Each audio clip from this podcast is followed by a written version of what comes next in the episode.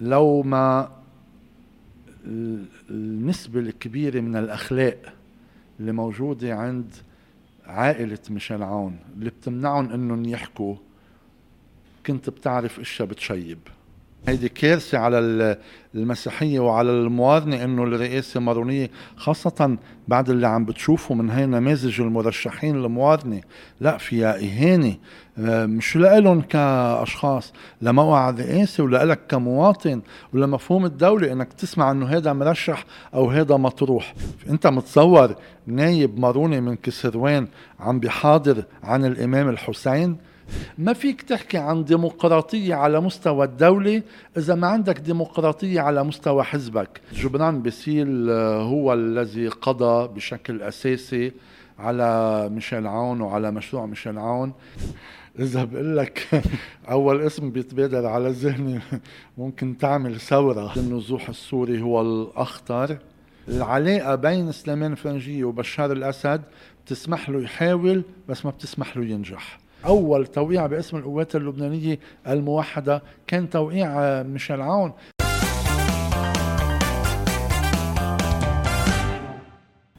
أستاذ عزيز المحاور الراقي والصحافي الرايق بس المئز بذات الوقت. أهلا وسهلا فيك بهنا توكس عبر منصه هنا لبنان. آه، دائما القراءة لمواضيعك بتزكزك كتير وبتفتح العين على أسرار. بس السؤال اليوم بعد بيستاهل أو بتستاهل هاي الطبقة السياسية نحلل أعمالها؟ نعمل تحليل شو عم تعمل؟ يمكن معك حق آه والمشكلة مزدوجة مش بس عند الطبقة السياسية حتى عند قسم من الناس. م. يعني بقدر ما الطبقة السياسية تمسحت يمكن في قسم من الناس يأسوا ومشان هيك صار الكلام بلا جدوى عند اثنين. يعني لا الطبقة رح هيك يوعى ضميرها وبلحظة إنه تحس بوخز تغير سلوكها. والناس بعد 17 تشرين إيه معانية من خيبة وصدمة كبيرة مش بسهولة تقدر تأثر فيها. أنا بالنسبة لإلي في مسألة التزام شخصي بيني وبين حالي. بيني وبين آه، ضميري أو يمكن إذا في استعمل الكلمة إنه إيه أنا بدي ضل أرفع الصوت. بدي ضل أرفع الصوت بمعزل عن الجدوى عن التأثير عن النتيجة العملية. بس معتبر إنه آه، بتقلي يمكن الفن للفن. آه، شو بعرفني ثيرابي ذاتيه يمكن بس رح ضل أرفع صوت. طب آه، شخص بالخبرة اللي اكتسبتها عبر السنوات الطويلة. وبانتقالك من من كذا معسكر يعني تبعت كذا معسكر.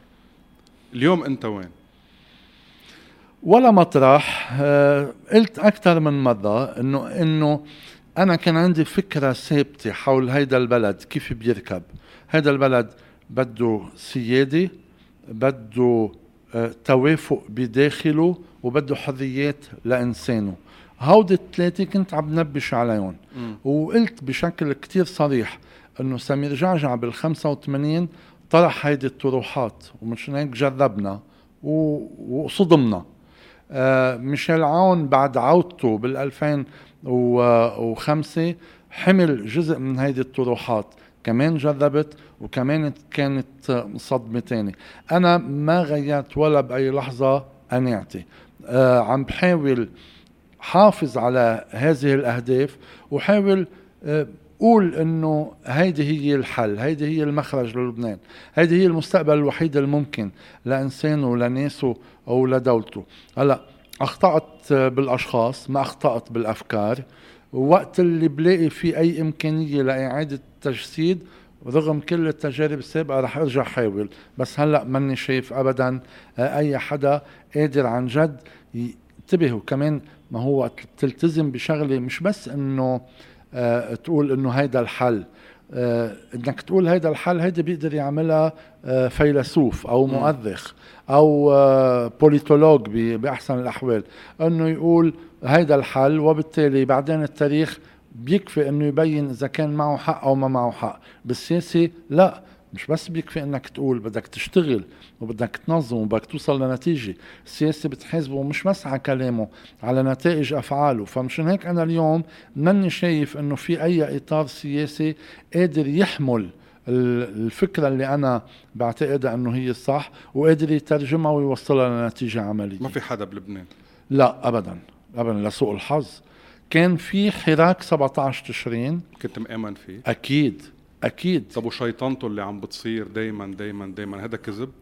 هيدي مؤامرة كتير كبيرة من قبل منظومة السلطة من أجل إعادة تعويم حالها وإعادة تجديد آه، وضع يدها على البلد ومن أجل الحصول على براءة ذمة عن كل الجرائم مش أقل من هيك كلمة جرائم اللي ارتكبوها بالمال بالاقتصاد بالأمن بالسياسة بالتربية بالثقافة.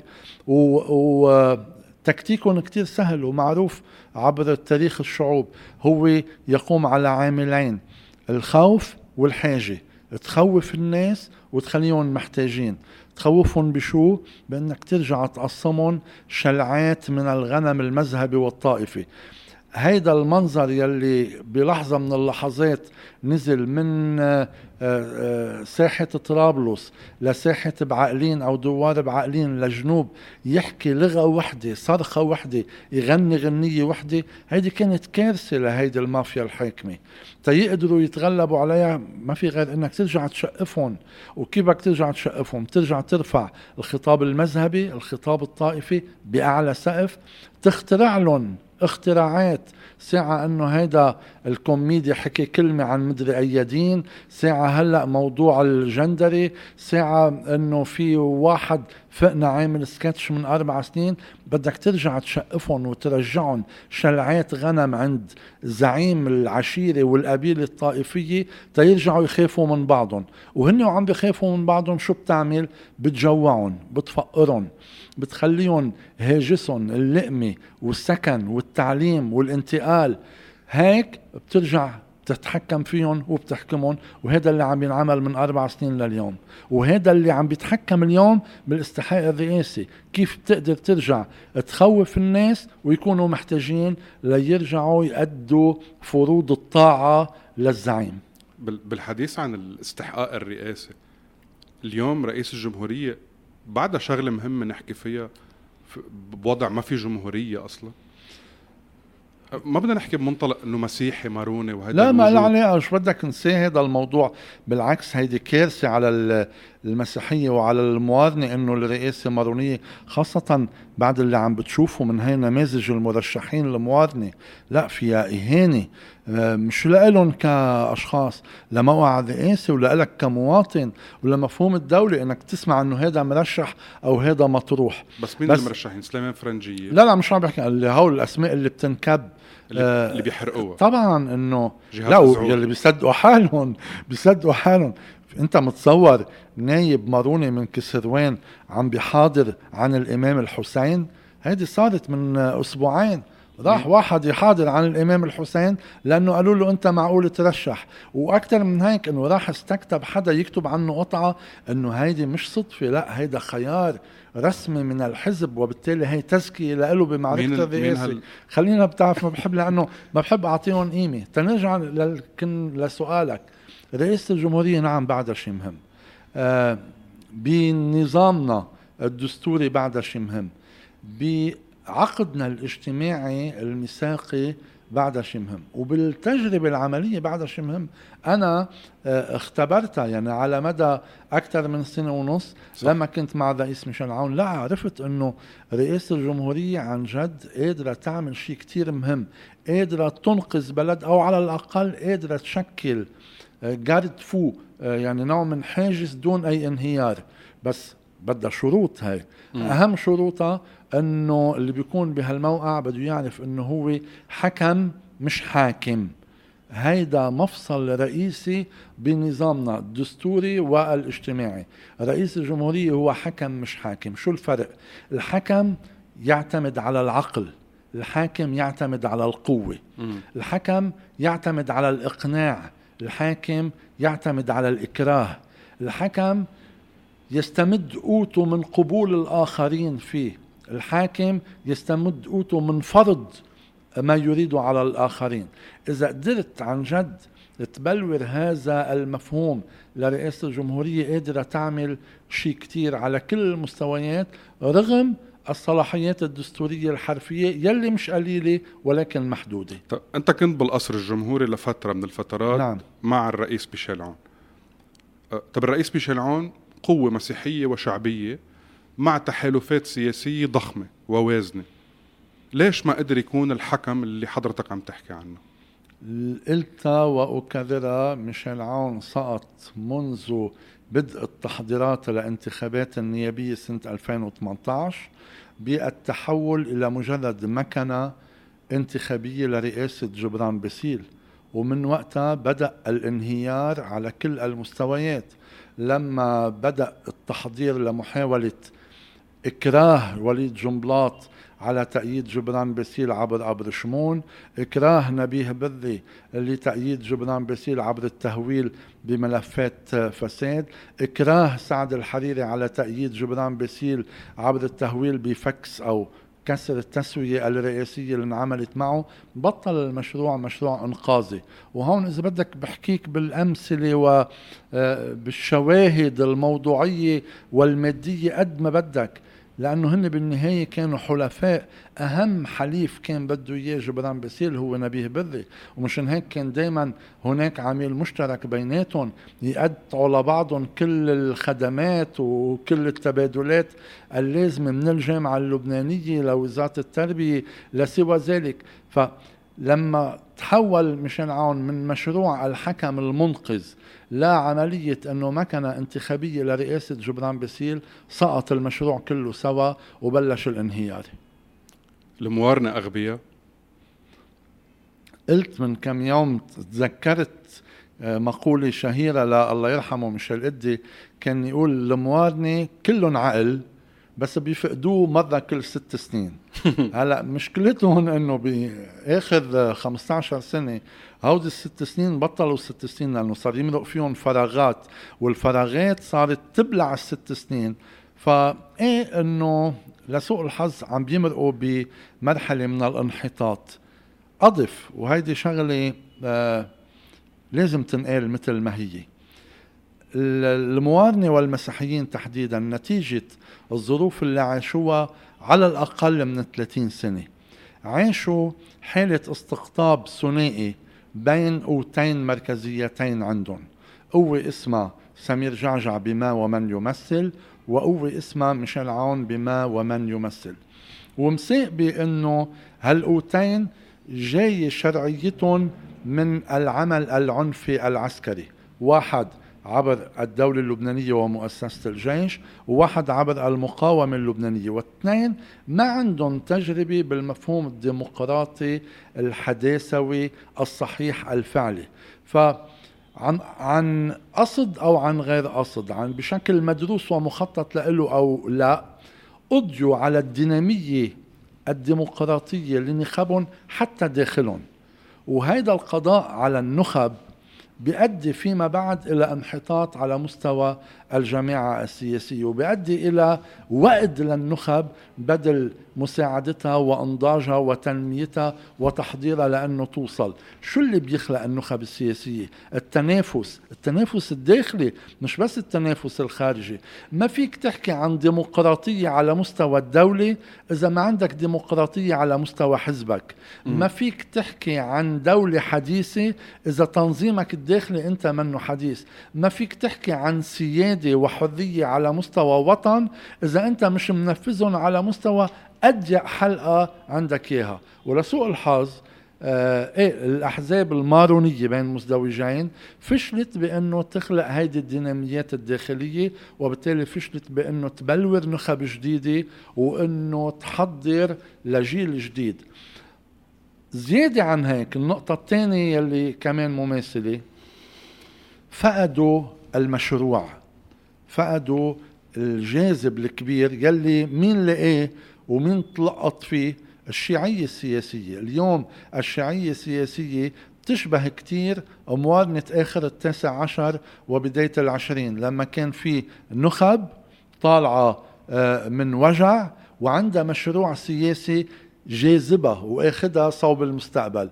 اليوم هودي ما بقى عندهم مشروع أحزابهم وقواهم السياسية عم تضرب نخبهم بدل ما تبلورها. الشيعية السياسية عندها نخب وعندها مشروع وعم تتحرك صوب المستقبل ومشان هيك الفارق الكبير بين الاثنين يعني ما في قضية. يعني المسيحيين ما عندهم قضية. في قضية بس القضية هي عنوان ال ال من بعد القضية بيجي المشروع يلي هو رؤيتك. لتجسيد هذه القضية على أرض الواقع. ومن بعد المشروع بيجي الخطاب يلي بيحمل هالمشروع وبيوصله آه للناس. والخطاب يجب أن يتضمن ثلاث عناصر. مقنعة للذات وللآخر. أول عنصر هو تشخيصك للأزمة. ثاني عنصر هو حلك لهذه الأزمة. وثالث عنصر هو طريقة تنظيمك لبناء أدوات هذا الحل الصحيح للأزمة اللي عم تطرحها.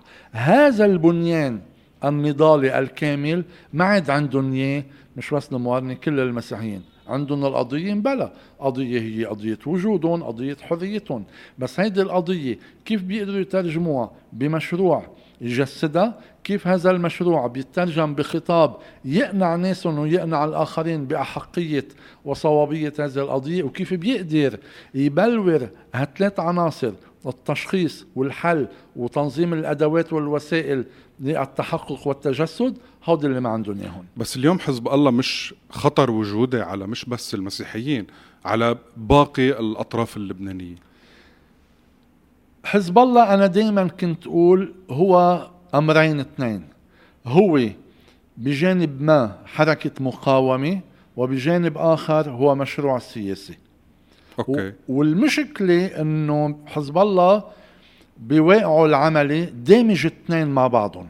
بالوقت يلي المقاومة ضرورة للبنان ومشروعه السياسي خطر وجودي على لبنان. وأنا قلت أكثر من مرة وقلتها للحزب مباشرة إنه لبنان ما بيقدر يعيش 24 ساعة من دون عنصر القوة اللي بتأمنه المقاومة له على الأقل بمواجهة العدو الإسرائيلي وبمواجهة أخطار إرهابية تانية أوكي. بس بذات الوقت لبنان ما بيقدر يعيش لحظة مع المشروع السياسي اللي بيحمله حزب الله طب كيف نتعامل معه؟ كنا عم نحاول وهذا اللي كان مطلوب من تفاهم مرم خيل إنك تقدر بالحوار مع حزب الله تفصل بين عناصر قوة المقاومة وعناصر المشروع السياسي وتقدر توصل لشيء اللي اسمه مودوس فيفاندي طريقة عيش م. مشترك بين إنه المقاومة بتكون مقطرة بسقف استراتيجية وطنية للدفاع حتى تأدي المطلوب الضروري والأساسي والواجب وجودها منه والمشروع السياسي بيكون خاضع للقوانين اللبنانية دون استثناء ودون أي اجتزاء لها. آه هذا اللي كان جوهر تفاهم مرم خيل. وهذا اللي كان بفكر اللي نعم. عم بتقوله مش بلش بال 2006 بتفاهم مرم خيل. هذا اللي عم بقوله. تماما. هذا اللي كان جوهر فكرة ميشيل عون من التفاهم إنه كيف بتقدر تاخذ هذه الحالة اللي اسمها حزب الله وتقدر آه، ما بدي أقول تستثمرها تقدر تحولها إلى حالة إيجابية تدعم البلد تدعم الوطن تدعم نهائيته وكيانيته. كيف؟ بأنه المقاومة تأطرها باستراتيجية وطنية للدفاع والحزب بمشروعه السياسي تخضعه للقوانين اللبنانية. يعني حزب الله الفكرة؟ يعني حزب الله أخذ ميشيل عون آه، لحمة ورماة عظمة. حتى ما أكون آه، عم بتجنى على اثنين. آه في تطورين حصلوا بهالمسار من 2006 لما بعد 2016 التطور الأول هو اللي صار بالمنطقة حرب سوريا حرب اليمن وضع العراق حيث اكتسب الحزب قوة إضافية أكبر من لبنان وصار وجوده وحجمه ودوره أكبر من لبنان وهي مشكلة. م. بذات الوقت الفريق الآخر بالتفاهم يلي هو ميشيل عون جير هذا التفاهم لمصلحة شخصية فئوية فردية كتير صغيرة بل أصغر من صغيرة اسمها مستقبل جبران باسيل السياسي. فبالوقت يلي حزب الله صار أكبر من التفاهم وأكبر من لبنان فريق جبران باسيل صار أصغر من التفاهم لبل, أصغر من أي مصلحة عامة وصار مصلحة فردية. هون صار الخلل الساحق بمعادلة التوازن بمعادلة التفاهم مرمخيل وما أدى إلى سقوطه. بس يا أستاذ خدني على قد عقلاتي. لا ميشيل ميشيل لا ميشيل عون. أي. عن جد يعني أي. بغض النظر بنحبه أو ما بنحبه بدنا نعترف إنه هو كان حالة. طبعا. حجم. أي. يعني وليد جنبلاط بيقول عنه بال 2005 تسونامي العون. صحيح. 2005 معقول هيدا فرق الوقت. إيه معقول أي. هيدا الميشيل عون. أي. الضخم. بيشتغل كرمال صهره. برجع بقول لك في, في, في كيف بدنا نصدق يعني؟ في, في فرق الوقت. خليني أقول لك شغلة. من بعد ال 2005 بسنوات قليلة ما بيقدر الواحد يحدد أي متى. يمكن 2008 2009 بهذه المرحلة. مشان عون أخذ قرار شخصي واضح وعبر عنه بأكثر من طريقة أنه بده يبني أو يأسس بيت سياسي وسلالة سياسية لسوء الحظ. هذا قرار أكيد خاطئ. وانتبه هلأ صرت بتشوفها بشكل كثير طبيعي بأدبياتهم. يعني امبارح عم بشوف آه شو اسمه باسيل بزحلة عم بيزور أحد البيوتات السياسية ويقولوا هذا البيت ما لازم يتسكر. وهون بين هلالين وحتى ما أنساها خلينا نمرقها هلأ. ميشيل عون بال 2004 ب 22 تشرين الثاني يوم عيد الاستقلال 2004 كان بلش يحضر لعودته الفعلية للبنان لأنه كان صدر ال 15 59 آه، فرضوا السوريين تعديل الدستور والتمديد للحود وبلش الغرب يتحرك بشكل واضح من بعد آه، الحرب الأمريكية على العراق وتبني ال Syria Accountability Act ومن ثم ال 15 59 إنه خلص بين إنه سوريا طالعة. فبلش يحضر ناسه إنه أنا راجع. عمل بمناسبة عيد الاستقلال 2004 لقاء بباريس. بيقول لهم إنه هلأ الحرية رح تتأمن بخروج الجيش السوري. إنما جايين على معركة ثانية أهم من الحرية اسمها التحرر. وهيدي كل واحد منا بده يخوضها بينه وبين حاله. وتنقدر نتحرر في عنا ثلاث أعداء. اسمعوا جوزيف شو حلوين وشو دقيقين وشو صحيحين. قالوا رح نواجه ثلاث أعداء. واحد الأقطاع العائلي واثنين الأقطاع المالي وثلاثة الأقطاع الطائفي. سقطوا فيهم جبران بسيل ثلاثتهم وقعوا بالأقطاع المالي وبالأقطاع العائلي وبالأقطاع الطائفي. بتقلي ما في مسؤولية على مشان عون؟ بقول لك بلا وأكيد. بس أنا عرفته لمشان عون وبعرف قديش بيتأثر بالحلقة المحيطة فيه وقت الحلقة المحيطة فيه كانت حلقة إيجابية عطى أفضل ما لديه وعمل إنجازات كتير كبيرة حتى ببداية ولايته الرئاسية لما الحلقة المحيطة فيه صارت حلقة العملاء وفلول غازي كنعان ورستم غزالي وما تبقى من زبانيتهم وصلنا للي وصلنا أي متى كانت إيجابية الحلقة؟ قلت لك على مبدا مين كانوا الأشخاص؟ آه، اول شيء ما تنسى بنته ميراي يلي هو كان يسميه عقله. م. وقت اللي فلت آه، ميراي وفلوا آخرين آه، صارت الحلقة حلقة مكونة حصرا عن جد عم بحكي بشكل فعلي ومادي من ما تبقى من عملاء رستم غزالي وغازي كنعان. وأنا قايل له إياها بوجهه. وهيدي مقولتي الشهيرة بآخر جلسة باواخر سنة 2020 إنه أفضل ما نعود نلتقى لأنه كل ما إجي أنا مراهن إنك تتخلص من حلقة هالعملاء وأنت مراهن إنه شي لحظة بصير مثلهم وبسكت فصارت ظلم متبادل فا إيه يعني ما بدي لا أظلم ميشيل عون ولا بدي آه، آه، أعمل تبرئة كاملة بس أنا عم بوصف الوضع مثل ما شفته ومثل ما عايشته هل انتهى ميشيل عون سياسيا؟ ليك بلبنان ما حدا بينتهي سياسيا. لبنان أنا بسميه أكبر غسالة عرفها التاريخ البشري. وبذات الوقت آه، أكبر كيس فحم عرفوا التاريخ البشري. في ناس محروقين بيكونوا ومعدومين سياسيين. بتلاقي لبنان بلحظة من اللحظات بيرجع بغسلهم وبيرجع بردهم على الحياة السياسية. وفي ناس بيكونوا عن جد من أنظف نضاف بالحياة السياسية بيحرقهم لبنان وبيوسخهم فبلبنان ما حدا بينتهي حتى الموت الجسدي ما بينهي بلبنان نتيجة نظامه العائلي الإقطاعي بس ميشيل عون كفكرة سياسية أو كمشروع سياسي هل بتعتقد انطفى؟ كمشروع إيه طبعا كمشروع آه، فشل أصيب بنكسات آه، قاضية علي علي هو وحركته السياسية. بس بيبقى المشروع مطروح إذا حدا فيه يرجع يحمله ويأمن له مقتضياته. مين إذا أكثر سليم الجريصاتي أو جبران باسيل أه لا أكيد بعتقد جبران باسيل آه، هو الذي قضى بشكل أساسي على ميشيل عون وعلى مشروع ميشيل عون. بتعرف ما بدي فوت كتير هون بتفاصيل لأنه صارت كلها ورانا. بس لو ما النسبة الكبيرة من الأخلاق اللي موجودة عند عائلة ميشيل عون اللي بتمنعهم إنهم يحكوا كنت بتعرف إشياء بتشيب. بس عندهم من الأخلاق ومن العقل ما يجعل إنه الأمور تكون هيك. أنت ما فيك تحكيهم؟ لا أكيد لا. لا لأنه أنا بناقش بالسياسة ما بسمح لحالي ابدا اتطرق لأي جوانب أخرى.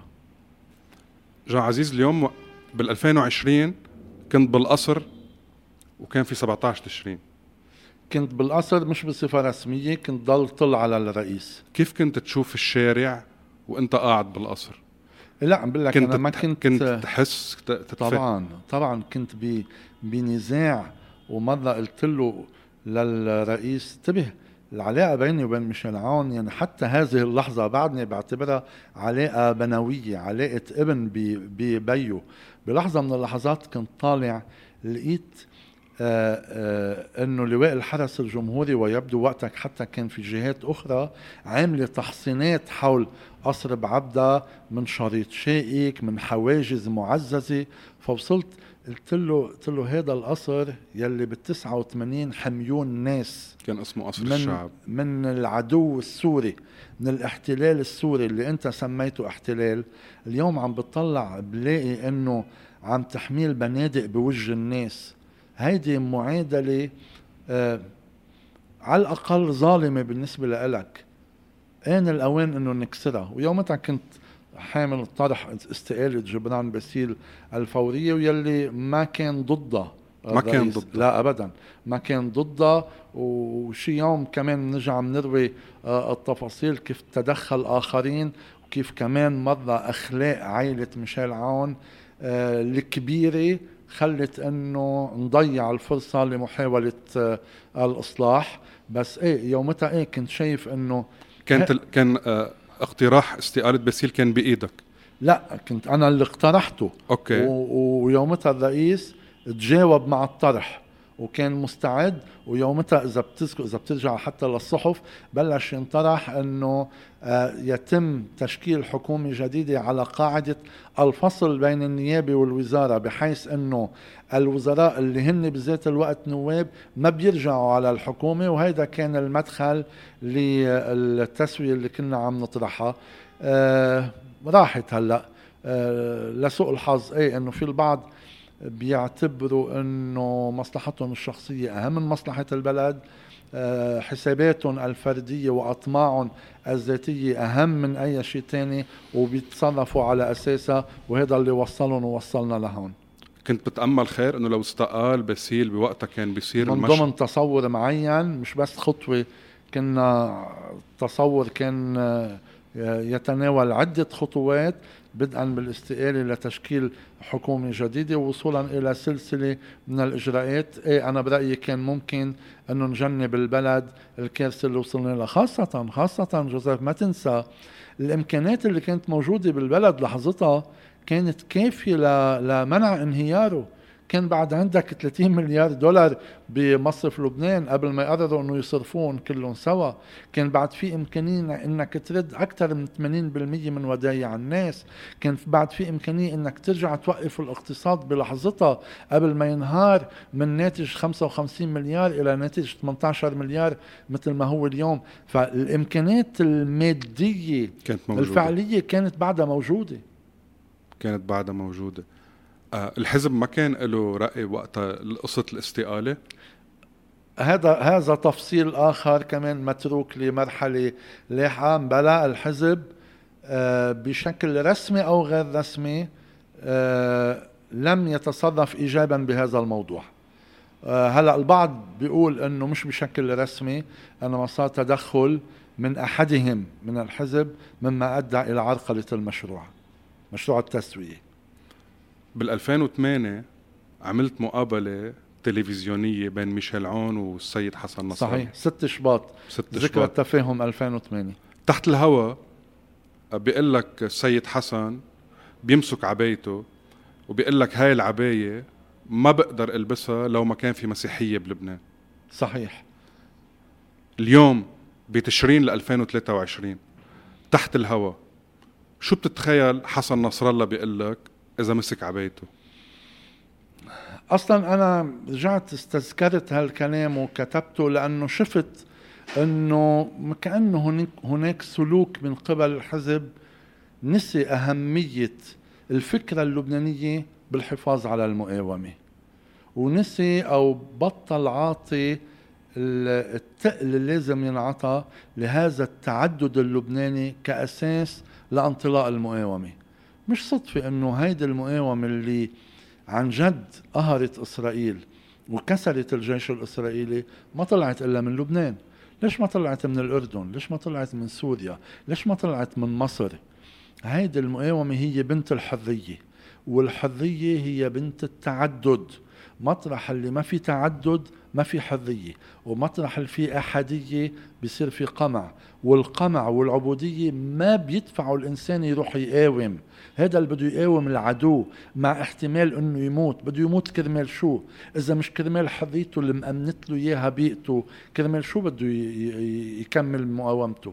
هيدا الإطار اللبناني هيدا الفكرة اللبنانية اللي أوجدت الحريه واللي هي سمحت للمقاومة. هيدا اللي كان فهمها السيد وهيدا يومتها بنقاشنا بالمقابلة ومن بعد المقابلة على العشاء يلي قال لي إياه. اليوم عندي إحساس إنه إيه ما عاد في هذا الفهم العميق عند الحزب لهذه الفكرة المؤسسة وهذا يلي برأيي بشكل خطر على المقاومة وعلى لبنان وهذا اللي عم ضل نبهن منه. ما بتتخيل شو معقول يقول لك معقول يقول لك بلا هالعباية ما في مسيحية بلبنان؟ أصلا قالوها بفتره من الفترات وقت حدث داعش والحرب اللي أقيمت آه، على الحدود. فجر الجرود. بفجر الجرود وقبلها وبعدها. بس بتعرف شو مش بس يمكن الحزب تغير أنا تغيرت. أنا بطلت تعني لي إنه حدا يقول لي الهوية المسيحية أو الجماعة المسيحية. لسبب بسيط. أنا إيماني بيسوع صار أكبر بكتير وأنضج بكتير وأعمق بكتير لدرجة صرت أعرف إنه ما في شيء بيقدر يأثر علي. ولك لا 100 داعش ولا مليون إرهاب ولا يمكن حتى تما أوصل على كل شياطين الأرض. ما بيقدروا يزيحوا فاصله من إيماني بهذا اليسوع التاريخي وبالتالي ما بقى أتأثر بأنه حدا يقول لي وجودك أو مسيحيتك أو حريتك المسيحية أو إيمانك المسيحي. فأنا تغيرت وصرت عم شوف إنه هلأ المطلوب لبنان هلأ المطلوب هيدا الوطن اللي قادر يكون عن جد مشع ومختلف. هذا اللي عم بيتهدد بالسياق اللي عم بيحصل من بعد 17 تشرين لليوم وبردود فعل كل القوى السياسية على حدث 17 تشرين.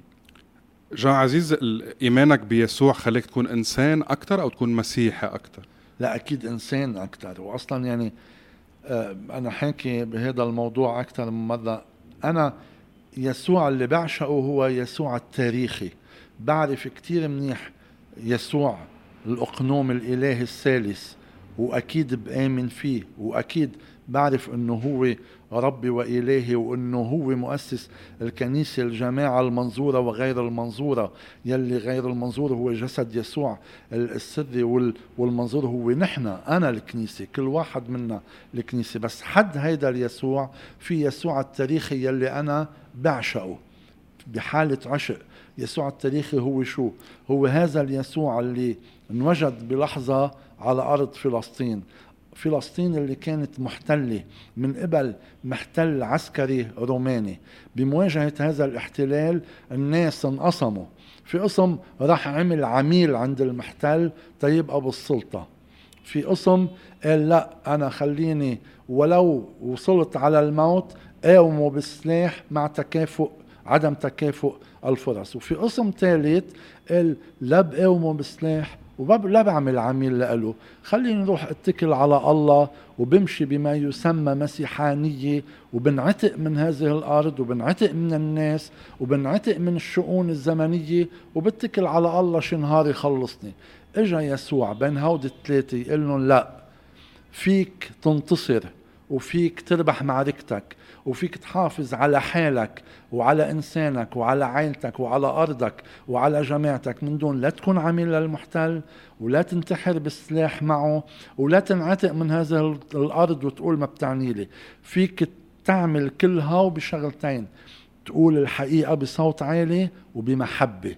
الحقيقة والمحبة هن اختصار يسوع التاريخي وهذا اللي بعشقه. مين أقرب مسيحي بلبنان من هيدي الصورة. من البطرك ونزول.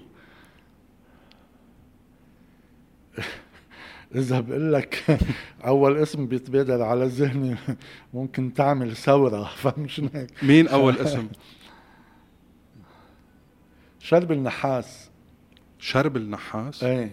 هذا بجسد هذا المفهوم لو مجنونه بما يطرحه. شربل بيمثل إيه هيدي الثورة المسيحية على الظلم على القهر على العبودية آه، على الفقر على العمالات هلأ مساقبة انه جنونه ما خلاه يقدر يجسدها بشكل آه، دقيق. بس إنه إيه؟ إنه بس صار في كثير علامات استفهام حول الشخص. بعرف بعرف مش هيك عم بقول لك إنه اتهامات كثير 100% 100% مش مزبوطة؟ آه ما بعرف. بس أنا عم بقول لك اللي بيطرحه اللي بيطرحه على المستوى العام إيه بجسد هيدي الفكرة المسيحية الثوريه أصلا. بس سمير جعجع سائر كمان. بال 85 نعم. اليوم لا. إيه. ما بعرف اليوم يعني ما بعرف قديش أنا ماني قريب ما بعرف بسلوكياته اليومية بحياته قديش يمثل هذه الفكرة. بس سمير جعجع القطاره سمير جعجع الفدار سمير جعجع جاك ماريتان وتياد شاردان وكل هذا الفكر أنا ذاك سمير إيه جعجع الطيونة سمير جعجع يعني بعده عم بيقاوم ولا لا؟ إيه بس انتبه برجع بقول لك ما بيكفي هذا الجانب في جوانب أخرى لهذه الفكرة المسيحية، كنت عم بقول لك إنه آه، بموضوع آه، شربل أصلا مش صدفة وكمان هيدي الناس ما كتير بتتوقف عندها إنه حتى الكلمة المفردة للشيوعية اللي هي communisme أصلا اللغوي هي شو؟ هي ال communio. يلي هي كلمة مسيحية. ومنها ال communion يلي هي الأفخارستية وهي اللقاء وهي المناولة الأولى. فمشان هيك أنه إيه المسيحيين الأوائل كانوا شيوعيين. وحتى ب آه، ب آه، بكتاب الرسل في كلام واضح عن إنه كل ما كانوا يملكونه كان مشتركا فيما بينهم. فمشان هيك هذه الفكرة بنقاوتها الأولى ما فيها تروح على أي سلوك من السلوكيات خليني أقول الاحتيازية يلي بتحاول أنه تاخد كل شيء لإلها وتحتكر كل شيء لإلها. لا المسيح السائر كان غير هيك تماما. بالحديث عن فوتنا بحديث ديني بس اليوم وقتها بتشوف البطريرك الراعي بتترحم على مار نصر الله بطرس الصفير البطرك الصفير آه، تستحق الرحمة عليه دايما. مش بالضروري لا إنك تترحم إيه. على لا بس الاداء السياسي. البطرك الصفير كان عن جد آه، جبل. عن جد جبل. يعني كان بيقول كلمة بيكون عارف معناتها وبيكون متمكن من عمقها ومدلولاتها. ولأنه بيكون هيك ما بيعود في شيء يهزه عنا. فمشان هيك البطرك السفير هو بطرك الاستقلال. هلأ في كتير عوامل إجت ساعدت في أكيد التبدل الدولي بالمواقف الدولية الأمريكية والأممية وسوى ذلك. وفي حدث كتير كبير اسمه اغتيال رفيق الحريري يلي عمل هذه الشرارة. بس البطرك صفير هو الذي صنع الاستقلال. كيف؟ بهديك اللحظة كان في صراع بين المسيحيين أنفسهم حول نظرية من نظريتين. كان بعض المسيحيين يقول أنه نحن ما في مشكلة بيننا وبين الخارج وتحديدا بيننا وبين سوريا. المشكلة هي بين المسيحيين والمسلمين على السلطة. ومشكلتنا إنه المسلمين بدهم يحكمونا. مشان هيك نحن إذا فينا نستقوي بالسوري شو ما كان الثمن اللي بندفعه للسوري على مستوى السيادة أو الاستقلال حتى بعضلاته نحكم المسلم اللبناني بنكون ربحانين. كان في رأي آخر يقول لا مش صحيح. نحن ما في مشكلة جوهرية جذرية بيننا وبين شريكنا اللبناني. نحن مشكلتنا مع العقل السياسي السوري الذي لم يعرف لبنان ولم يعترف بلبنان منذ مئة سنة حتى اليوم. لأسباب معروفة هي بعده الديني بعده القومي بعده الجغرافي بعده الاقتصادي وبعده الجيوسياسي. ما بدي أفصل فيهم بس كان الصراع إنه بنروح نستقوي بالسوري تنحكم المسلم ولا لا؟ ببلور أنا وشريكي المسلم. عقد ميثاقي جديد على أساس المواطنة والتوازن ساعتها بسترجع لبنان وبظهر الحسابات الخارجية. بلحظة من اللحظات طرح على البطرك صفير أن يختار أنت بتمشي بهذا الخيار أو بهذا الخيار وتقدمت له كل المغريات حتى يمشي بالخيار السوري بين المزدوجين. هو من اختار أنه لا أنا بمد إيدي للشريك وببني أنا وياه عقد ميثاقي جديد. وهذا اللي عبر عنه بالجملة الرائعة أنه أنا بعمل تسوية تاريخية بين اللبنانيين على قاعدة التوازن مما يسمح بتسوية تاريخية بين لبنان وسوريا على قاعدة الاستقلال والسيادة. ومش بس هيك كنت عم بقول لك إنه الخطاب بدك كمان تأمن له أدواته مش بس التشخيص والحل. البطرك سفير بلش يحضر لبناء أدوات هذا الطرح. كيف؟ بأنه مد أول جسر اللي عند وليد جنبلاط لأنه كان عارف إنه الجبل هو نواة التركيبة السياسية.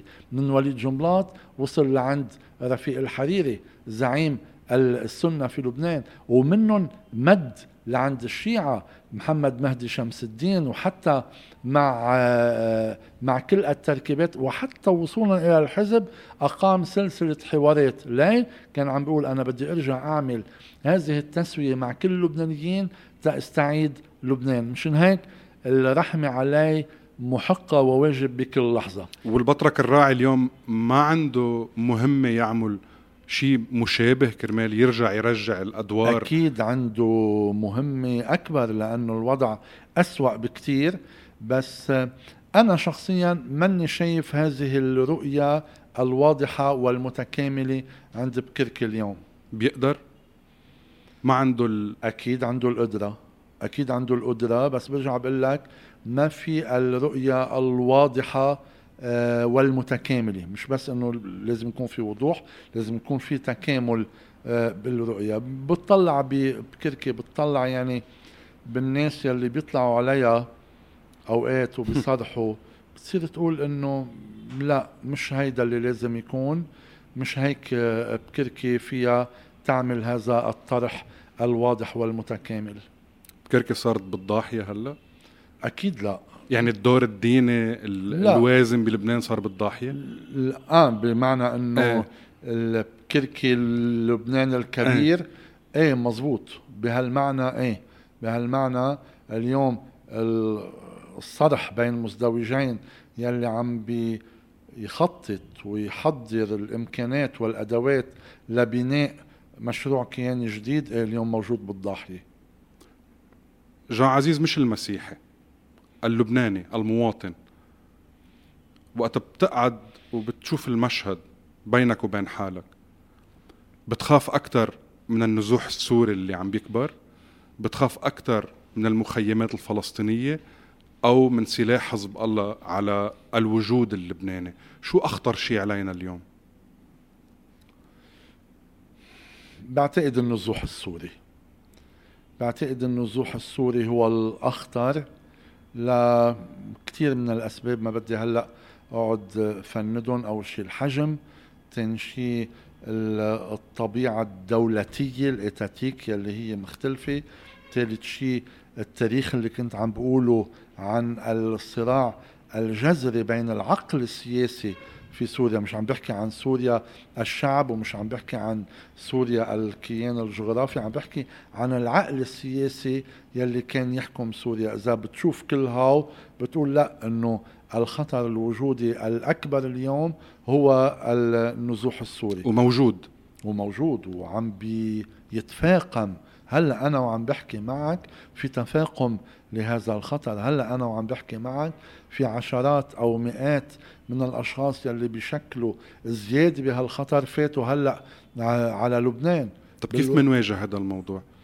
قرار سياسي ما فيه هاي أول شيء أول خطوة للمواجهة إنك ترجع تعيد بناء الدولة تعيد تكوين السلطة.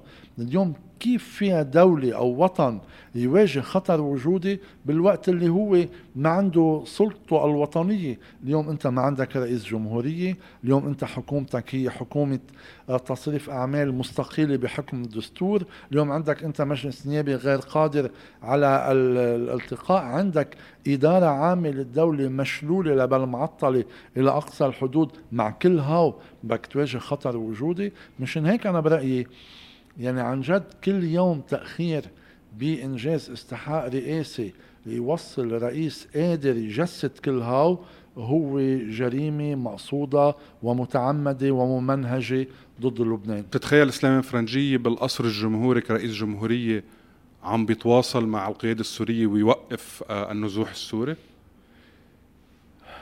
أو مش هالقد سهلة الخبرية؟ ليك أنا برأيي أكيد بحاول أكيد بيحاول بس ما بيقدر. ما بتصور بيقدر يوصل لنتيجة. ما بتصور بيقدر يوصل لنتيجة. ليش مش قرار سوري النزوح؟ امبلا بس بعتقد العلاقة بين سليمان فرنجية وبشار الأسد بتسمح له يحاول بس ما بتسمح له ينجح. مشان هيك. اشرح لنا إياها. كيف كيف بيحاول ما بينجح؟ لأنه العلاقة منا متكافئة منا متوازية. ما فيها مش من الند للند. ما فيها توازن قوى خلينا نقول. ما بدي أقول من الند للند بس أنا أكيد إنه سليمان فرنجيه بيحاول وحتى بيحاول على مستوى سلاح حزب الله. مشان هيك جوزيف؟ أنا قلت أكثر من مرة ضعانه ميشيل عون ميشيل عون كان أهم فرصة لإنجاز اللي كنت عم بقول لك إياه مشروع البطرك صفير التسوية التاريخية بين اللبنانيين والتسوية التاريخية بين لبنان وسوريا. مين بعد اليوم بالمدى المنظور قادر يقعد مع حسن نصر الله من الند للند؟ مثل ما كان قادر يعمل ميشيل عون. مين قادر يحكي مع بشار الأسد من الند للند؟ مثل ما كان قادر يعمل ميشيل عون. هودي اللي من عمله. ومشان هيك عن جد يعني مش فرصة ضاعت خطيئة ارتكبت بأنه بأنه ما قدرنا عملنا هودي التسويتين بظل رئاسته وقبل ما تسألني أكيد هو مسؤول. مسؤول. أكيد. بس كأنك عم بتقول سليمان فرنجية منه قد المركز. برجع بقول لك المسألة منا مسألة متعلقة فيه وبنياته. المسألة متعلقة بالواقع الأمور. ميشيل عون كان جاي عم بيمثل بالرئاسة أكثرية مسيحية. كبيرة جدا بحد ذاته معه فوق هذه الأكثرية تاريخه. هيدا اللي جاي من خلوة سيدة البير ومن الجبهة اللبنانية ومن معركة تل زعتر ومن أول توقيع باسم القوات اللبنانية هو عمله. وهي اللي لما حكيتها البعض صار آه، ينكت ويسب ويشتم. هاو كلهم شو أول توقيع للقوات؟ وقت معركة تل الزعتر وكان هو قائد الجبهة وبده يعمل توقيع كان يومتها آه بعده هو آه يمضي باسم هلأ بتذكر لك الاسم اللي كان يمضي فيه. فبده يسمي هاي القوى المتحالفة بالجبهة. سميها هو القوات اللبنانية الموحدة ومضي آه أول توقيع باسم القوات اللبنانية الموحدة. كان توقيع آه، ميشيل عون. فميشيل عون هيدا التاريخ كله سوا مع الأكثرية المسيحية اللي كان بيمثلها مع الإجماع المسيحي من بعد اتفاقه مع سمير جعجع مع الإجماع الوطني من بعد الاتفاق مع سعد الحريري وتحالفه مع حزب الله. كل هاو كانوا بيعطوه هيدا الوزن الوزن الاستراتيجي الوزن الوطني يلي بيسمح له كان يومتها يعمل التسوية التاريخية بين اللبنانيين على إعادة التوازن والديمقراطية والتسوية التاريخية بين لبنان وسوريا على إعادة التعاون والسيادة. مش هيك عم بقول إيه دعانه. كانت فرصة كبيرة جدا. ما بعرف إذا بتتكرر. عن جد ما بعرف إذا بتتكرر. بالمدى المنظور مش شايف حدا بيجي محله. هلأ أنا قلت أكثر من مرة هلأ بدك تعمل إدارة للأزمة تمنع الانهيارات ومزيد من التدهور والكوارث وينطر بعض المحطات اللي جاية علينا. طب أستاذ عم نحكي بلا كفوف. اي اللاجئين السوريين ويعذرونا اللي عم بيسمعونا أكثريتهم سنة. هل بيناسبوا حزب الله يصير في عدد سنة أكبر معقول يواجههم بالمستقبل عسكريا ولا ما عنده هالخوف؟ لا أكيد عنده هيدا الخوف وليش ساكت عليه؟ لا منه ساكت إذا بتشوف ردود الفعل اللي عم تنعمل بمناطق سيطرة الحزب إذا بتشوف الإجراءات اللي بلشت تعملها البلديات يلي بيمون عليها الحزب من الغبيري وصولا إلى الجنوب بتفهم أنه لا في قلق جدي لدى الحزب من هذه الظاهرة هلأ بتقلي إذا في قلق ليش, ليش تركها لأنه هون يمكن عم نفوت بمطرح من المحظور هو عمق العلاقة بينه وبين النظام السوري والنظام الإيراني.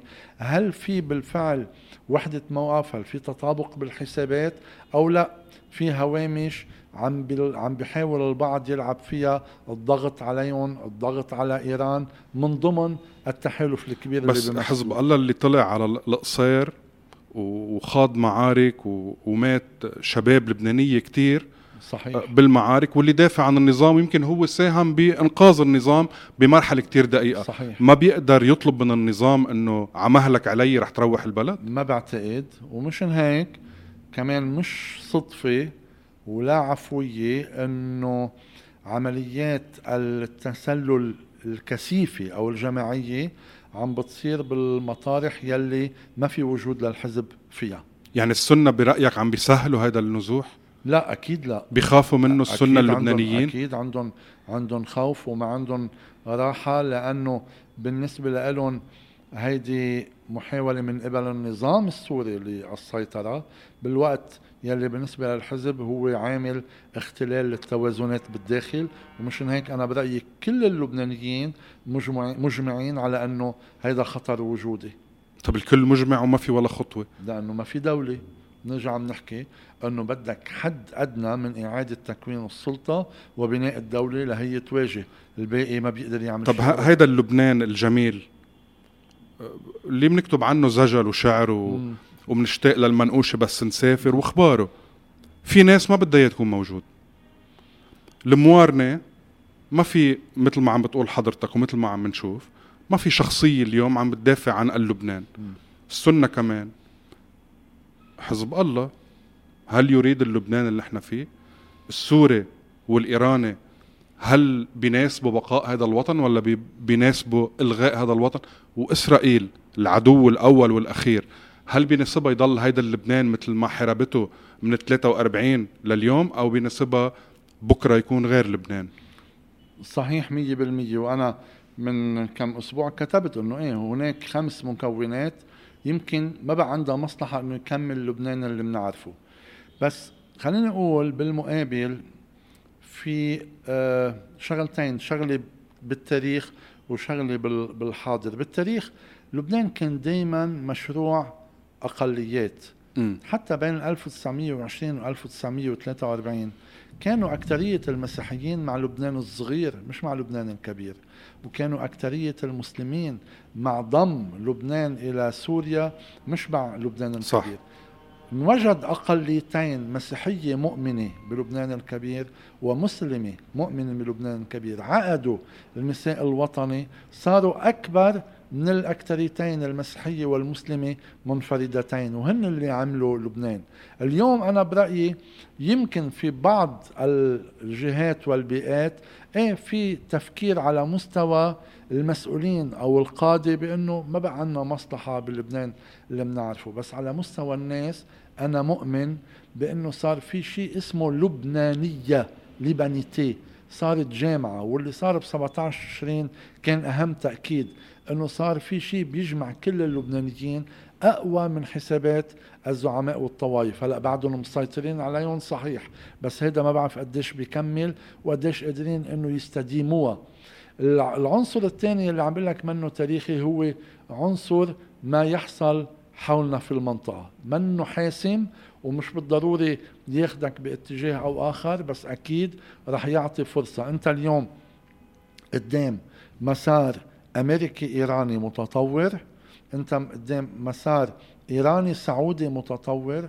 وأنت قدام مسار سعودي إسرائيلي فلسطيني متطور. هودي الثلاثة واضح إنه رح يغيروا وجه المنطقة بشكل إنه هذا التغيير بيعطي فرصة إما لتأكيد المؤكد والحفاظ على لبنان أو يمكن لا سمح الله زواله بالمفهوم وبالشكل يلي بنعرفه اليوم.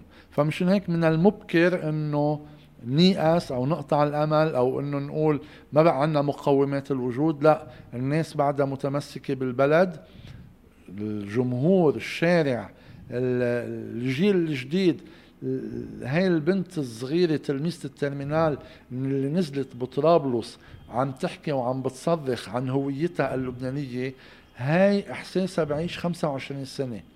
بعيش 25 سنة. بهال 25 سنة المنطقة جاية على تطورات رح تعطي فرصة. أو بتأكد نزعة هالبنت الطرابلسية لوطن واحد أو لا. بعد عندك أمل. طبعا. ولا بلحظة رح أقطع الأمل. أنا شعاري بالحياة هو آه، المقولة اللاتينية dum spiro spero كل ما بتنفس بتأمل. بس بس كل شيء عم نشوفه بخفف لنا هيدا الامل يعني أربعة آب دمرت مدينة ومات أكثر من 220 شخص انقتلوا غدر. بس الم... بس يعني بعد الوجع وكل اللي مرقنا فيه القراءة السياسية هو تدمير مرفأ بيروت اللي صحيح. كان محطة خلت لبنان بالستينات يكون هو القبلة. آه المؤسسة الجيش مع محبتنا واحترامنا الكبير لهذه المؤسسة عم نشوف قديش عم بتعاني.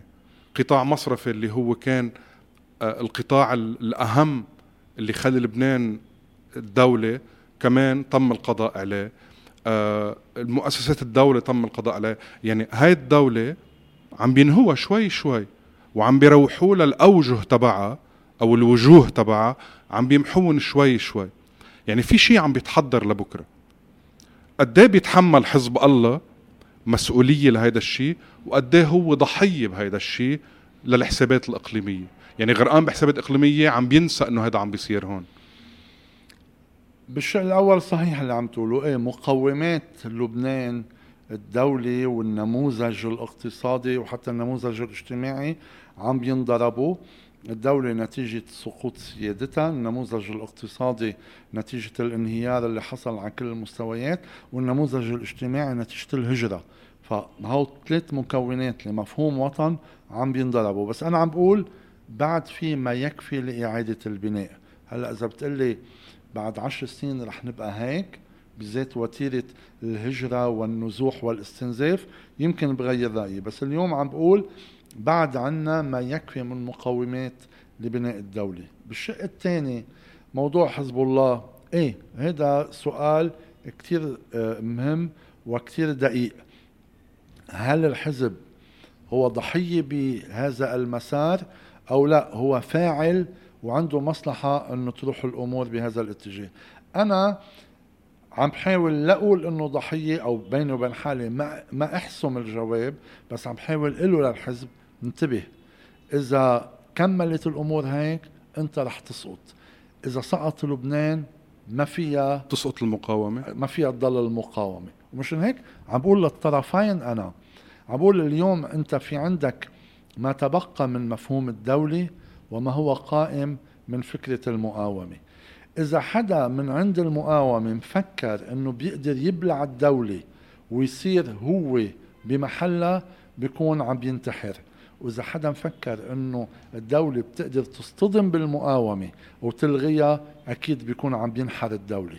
أنا اللي عم بقوله بالمدى المنظور بدك تلاقي صيغة تعايش بين الدولة والمقاومة بالمعنى اللي قلت عنه بالأول وهيدي الصيغة تقدر توقف الانهيارات توقف الكوارث وتنطر المحطات اللي جاية.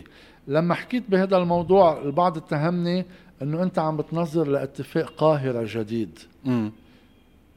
الفرق كبير وهذا اللي لازم عن جد يعني أصحاب الرأي اللي بيقول لك إنه لازم الدولة تلغي المقاومة ينتبهوا له.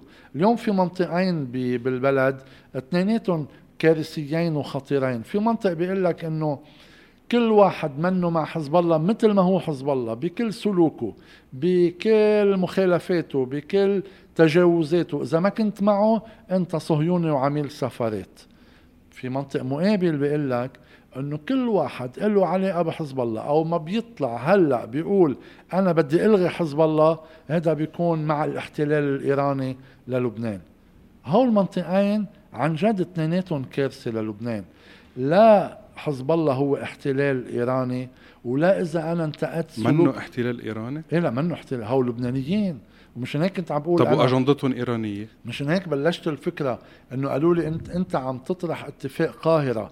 شو يعني اتفاق قاهرة؟ يعني كأنه عم بقول أنه في سلاح آه، فلسطيني بلبنان جاي أنا عم بدعي لتشريعه ولا إنه البعض الآخر كان رأيه إنه لا ما ضروري نشرعه. بننطر لتفوت إسرائيل بال 82 بنطلع أبو عمار مع المسلحين تبعه ببواخر ونبعتهم وبنخلص أول شيء هيدي تجربت وما خلصنا اثنين هاو مش جالية أجنبية بلبنان. هاو مواطنين لبنانيين. هودي أولاد هيدي الأرض. ايادتهم من هذه الأرض. آه عائلاتهم من هذه الأرض. بتقلي عم بيخدموا أجندة إيرانية بقول لك تعال نتناقش أنا وياه بس الأكيد إنه ما في ولا بأي لحظة من اللحظات راهن إنه أقدر حطهم على بواخر وابعتهم هذا بالمبدأ قبل ما أوصل على الإمكانية العملية بالمبدأ مش مقبول وبالواقع العملي هو جنون. فمشان هيك كنت عم بقول هول المنطقين اللي عم بيتصارعوا إنه أو بتكون صهيوني وعميل سفرات إذا انتقدتني أو بدي أعتبرك احتلال إيراني وأقل من هيك ما بقبل إنه أحكي معك. هول اثنيناتهم عم بيوصلوا للكارثة بالبلد. والحل؟ الحل اللي كنت عم بقوله إنه اليوم نحن قدام استحقاق رئاسي مطلوب رئيس. مين الرئيس اللي بدك إياه؟ أنا قلت أنت جون عزيز مين الرئيس اللي بدك إياه؟ اللي بتشوفه بالقصر؟ خليني خليني أقول لك ليش هيدا الرئيس. أنت اليوم بدك رئيس يعمل صيغة تعايش بين هذا المفهوم للدولة وهذا المفهوم للمقاومة. بأي معنى؟ أرجع أذكر. المقاومة بسلاحها تحت استراتيجية دفاعية والحزب بمشروعه السياسي تحت القوانين اللبنانية. يقدر يعمل تعايش بيناتهم. اثنين يقدر يرد الحد الأدنى المطلوب من ثقة ابني بهالبلد إنه إذا سمع إنه فلان طلع رئيس يقول بلكي برجع بعيش أو برجع بزور بيي أكثر من مرة بالسنة. ويأمن حد أدنى من عودة ثقة المجتمع الدولي بهالبلد بإنه لا ما مات لبنان هيئته بعده عم بيتحرك شيء بهالجته خليني ساعدها. حتى نعمل شو؟ حتى ترجع مثل ما كنت عم بقول تعيد هودي الثلاث أشياء. ترجع تعيد بناء الدولة على مستوى مؤسساتها. ترجع تعمل نموذج اقتصادي قابل للحياة وترجع تعيد أحياء النموذج الاجتماعي بمعنى أنك توقف هجرة اللبنانيين اللي عم بيفلوا مئة ألف بالسنة. هو هيدا البرنامج هيدا الأجندة هيدا الهم أنا اليوم بشوف أنه قائد الجيش قادر يأمنه. مش لأنه اسمه جوزيف عون ولا لأنه طويل ولا لأنه ابن العيشية لأنه رمزيته مع مؤسسة الجيش قادرين يأمنوا هودي. إذا بتقلي هلأ في دقائق الطبل إذا انتخبناه رئيس جمهورية ابني يلي بكندا رح يفكر إنه آه إف هيدا انتخب صار عندي ثقة بالبلد يلا تعمل له معركته. تتأمل يوصل ميشيل عون آه جوزيف عون عفوا. إيه أكيد تتمنى. بتأمل. أكيد بتمنى وأكيد بتأمل وبرجع بقول لك انطلاقا من هذا المشروع وقديش حظوظه يوصل؟ ما بعرف ما بدي هون فوت ب آه، آه، شيء من التخمين والتقدير تما نقول آه، أكثر بس إنه بعتقد من المطروحين بشكل جدي رغم ذلك أنا عم بقول هلأ يطلع حيلا واحد من هاو اللي بيسربوا أسمائهم أو بصيروا يترجوا إنه طرحونا يطلع يقول لي كيف بيجاوب على هذا الهم اللي عم بطرحه؟ كيف بيقدر يحدد 20% منه حتى آمن فيه وأعمل له معركته؟ آخر سؤال. جان عزيز ناطر رئيس الجمهورية اللي جاية يكون الرئيس بشير الجميل أو الرئيس فؤاد شهاب؟ لا أكيد فؤاد شهاب. مش بشير الجميل لا أكيد فؤاد شهاب. أه بأي معنى فؤاد شهاب؟ إعادة بناء الدولة مثل ما كنت عم بقول. نموذجها الاقتصادي تذكر فؤاد شهاب بيرلوبري بعثة إيرفد إنك ترجع فؤاد شهاب البعض بيفكروا إنه هو تجربة عسكري تاريخية ويمكن يومتها المكتب الثاني ظلموا آه لفؤاد شهاب. بس فؤاد شهاب هو أهم تجربة مدنية ببناء الدولة. إنك تشوف مين أهم مفكر مالي آه الياس سركيس بيصلح بمكان معين جيبه جوزيف زعرورة بيصلح بالتربية آه جيبه شلق بيصلح بمكان رضا وحيد لأهم مفكر بموضوع الضمان الاجتماعي جيبه. ترجع تجيب كفاءات البلد كان الرئيس الماروني شغلته إنه يصنع المؤسسات مش يستصنع الأزلام.